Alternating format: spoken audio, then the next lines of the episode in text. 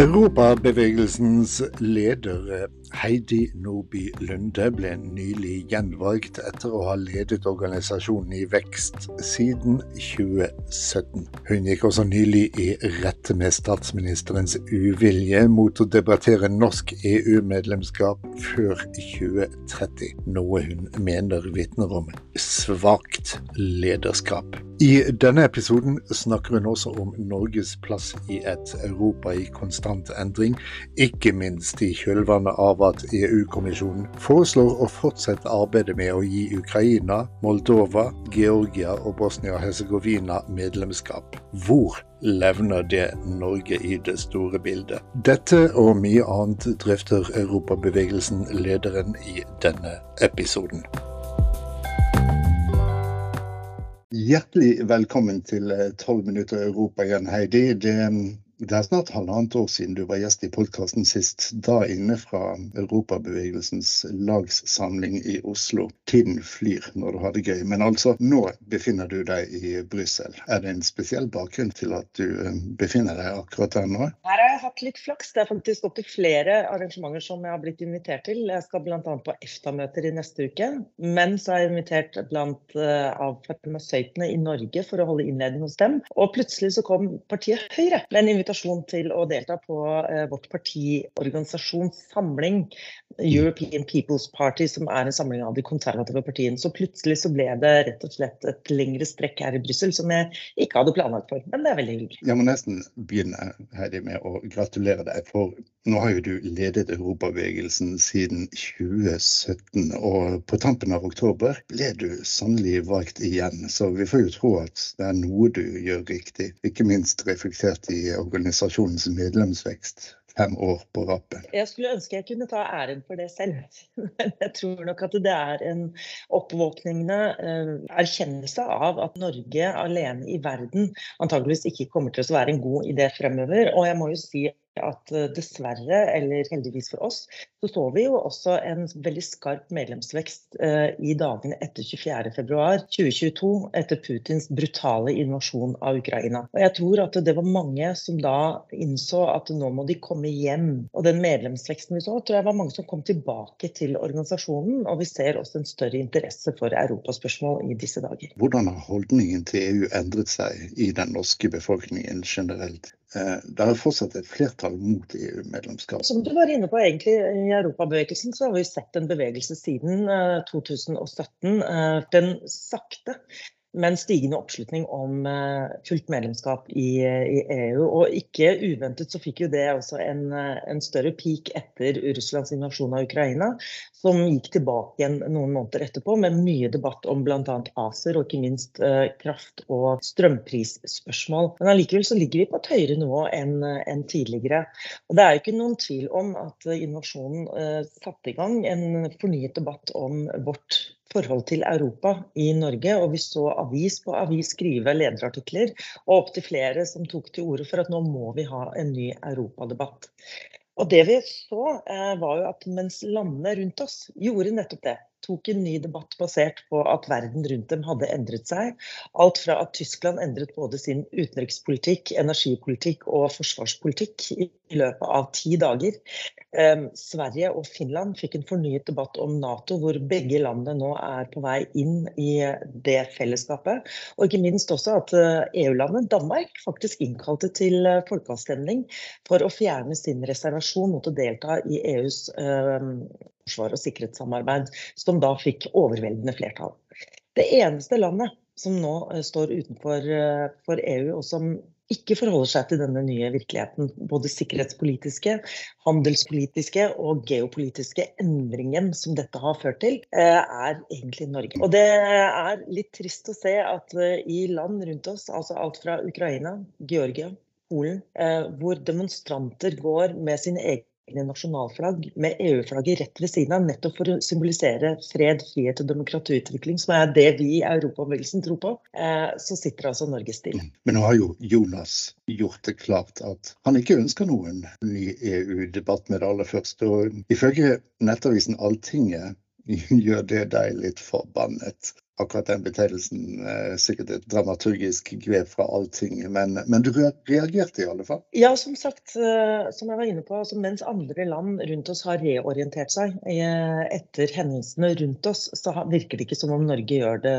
samme. Og her mener jeg at vi har en tapt mulighet til å revitalisere en europadebatt som definitivt Norge burde ta uavhengig av om Russland hadde okkupert Ukraina. Og det det har noe med at etter 30 år med integrasjon inn i det indre markedet, hvor vi ser at utviklingen i EU nå går raskere Vi ser Kina vokse opp som en eh, global stormakt. Vi ser en deglobalisering som antageligvis vil føre til at du får geografiske områder som orienterer seg sammen. Kina og Asia på ett sted, USA på et annet sted, Europa på ett sted, og Russland og de som eventuelt vil ha med dem å gjøre på et tredje en bipolar verden. Og ikke minst da krigføring igjen på europeisk jord, som fører til flyktningstrøm strømmer, samtidig som vi har klimaendringer som også kommer til å være krevende å håndtere framover. Som også fører til flyktningstrømninger, kraftkrise osv. Så, videre. så sitter vi altså her og er ikke villige til å ta i den debatten. Jeg skal ikke holde det bare mot Jonas Gahr Støre. Eh, fordi han er jo et politisk gissel i den regjeringen han sitter i.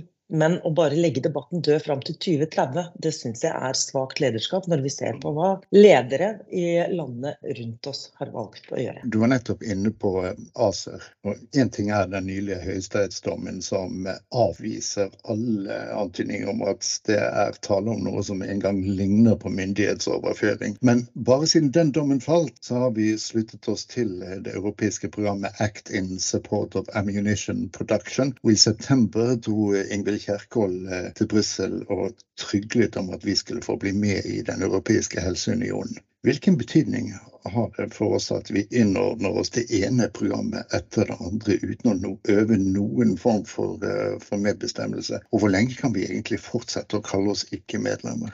Vel, til tross for at vi i hvert fall utenfra ser ut til at vi ikke utøver stor bestemmelsesrett over de programmene som vi selv blir en del av, så er det jo i absolutt norsk interesse å gjøre nettopp det. Men der ser vi jo også litt av svakheten med å ikke være helt innenfor, nemlig at vi må trygle og be om å få lov til å være med, eller betale oss inn på en eller annen måte. Og det er ingen tvil om, når du ser de ulike regjeringsmedlemmene, enten det er på eh, asyl og innvandring og justis som drar til Brussel og får hjelp fra Den europeiske unionen, om det er for å delta i forsvar og militærsamarbeidet på f.eks. ammunisjonsproduksjon, som vi desperat trenger i Europa, og som Norge kan være en sterk bidragsyter til. Om det er også i Helseunionen, som vi foreløpig står utenfor, fordi at vi er ikke med i Den europeiske union.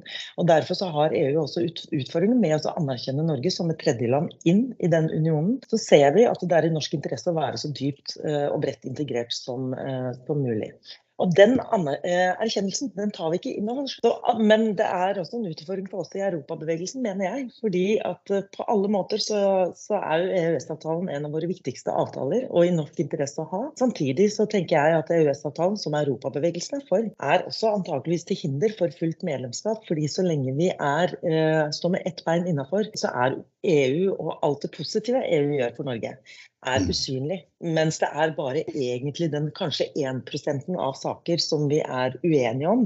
Og det kan være store saker, det, altså små store saker som vi er uenige om, som blir synlige. Og ergo så holder EU-motstanden seg eh, oppe på et nivå som vi antageligvis ellers ikke vil ha. Apropos det å få et bein innafor. Nå har jo EU-kommisjonen nettopp anbefalt europeiske råd å gå videre med innlemmelsen av eh, Ukraina, Moldova, Georgia og Bosnia-Hercegovina. Georgia faktisk med kandidatstatus allerede fra start, etter hva jeg har forstått. Når den prosessen er fullført, vil det bety at nesten samtlige demokratiske land i verdensdelen er EU-land så nær som EØS-landene eh, Norge, Island og Liechtenstein samt eh, Sveits. Og Storbritannia, som i alle fall når det kommer til sistnevnte, vel egentlig angrer bittert.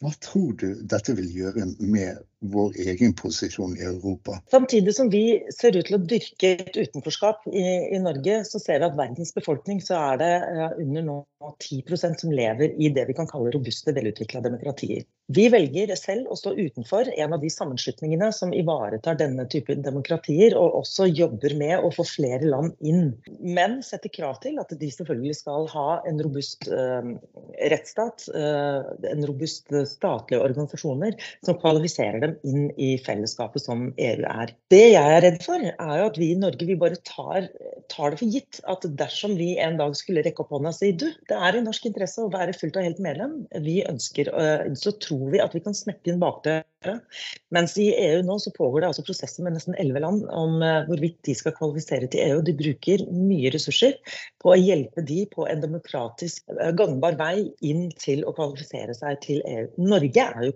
ferdigkvalifisert. Vi oppfyller jo alle kriteriene for å være fullt og helt uh, med. Men vi velger selv å havne stadig lenger tilbake i den køen. Og ikke minst, et lite land som Norge kan faktisk gi et stort avtrykk i, et, i en sammenslutning som, som, EU, slik vi ser både Danmark, Sverige og Nederland gjøre. Men mm. hvis vi ikke nå skal være med på å utforme det fremtidige Europa, og ikke minst også forutsetningen for den fremtidige europeiske unionen med de nye søkerlandene, så er jeg redd for at norske interesser kommer til å tape på det.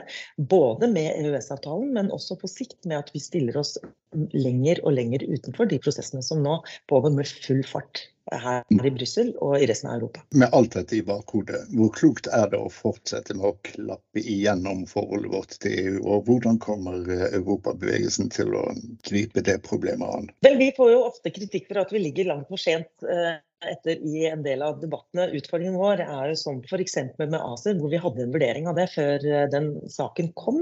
Både til Stortinget og ble en del av den norske debatten, hvor vi sa at dette er helt ufarlig. Men så vi godt forberedt på de rasjonelle argumentene, faktagrunnlaget og hva ACER egentlig var. Men vi taper den dagen debatten eh, blir basert på løgn, eh, falske påstander og, og kampanjer rundt, rundt, det. Det har jo Høyesterett gitt oss rett i. Men det jeg tror vi skal være flinkere til å gjøre, er jo å ta debatten om nye initiativer i EU. Hva Norge kan, bør og skal gjøre i forbindelse med dem. For å heve de sakene på den politiske dagsordenen hjemme. Men i Sverige så begynner jo eh, sånne type initiativer i Riksdagen fra stortingsrepresentanter. Eh, de er i Dagsnytt 18, eh, svenske versjonen av det. De er i svensk diskurs før det reises i Europaparlamentet. Her i Norge så har vi ikke den anledningen, og det har vi valgt selv. Det syns jeg er synd, fordi det er mange av de initiativene vi er påvirket av, og vi ønsker oss fordi det er i norsk interesse. Men vi kunne klart å finne måter å skru de til, sånn at det svarte til våre interesser eh, bedre enn det det gjør i dag. Og den veien er vi dessverre ikke med på. Tror jeg sannelig vi har sprengt grensene for hva det må være lov å kalle tolv minutter Europa. Men jeg syns um, ikke det gjør så mye, for vi, vi liker jo å gi lytterne noe ekstra, f.eks. For i form av et par ekstra minutter. Tusen takk for at du tok deg tid til å være med oss fra Brussel, eh, Heidi Nordby Lunde, og tusen takk til eh, deg som hørte på. Og hvis du likte det du hørte, har vi disse 18 månedene sluppet i alt 24 episoder, så her er det bare å slå seg løs. Ansvarlig redaktør er Fredrik Mellem, og jeg heter Jarle Petterson. Vi høres igjen. Husk å abonnere på podkasten, så får du et varsel når vi slipper nye episoder. Og eh, ikke glem å følge Europabevegelsen og 12 minutter Europa i de sosiale mediene, for eh, som vi alle vet, det kan aldri bli nok Europa.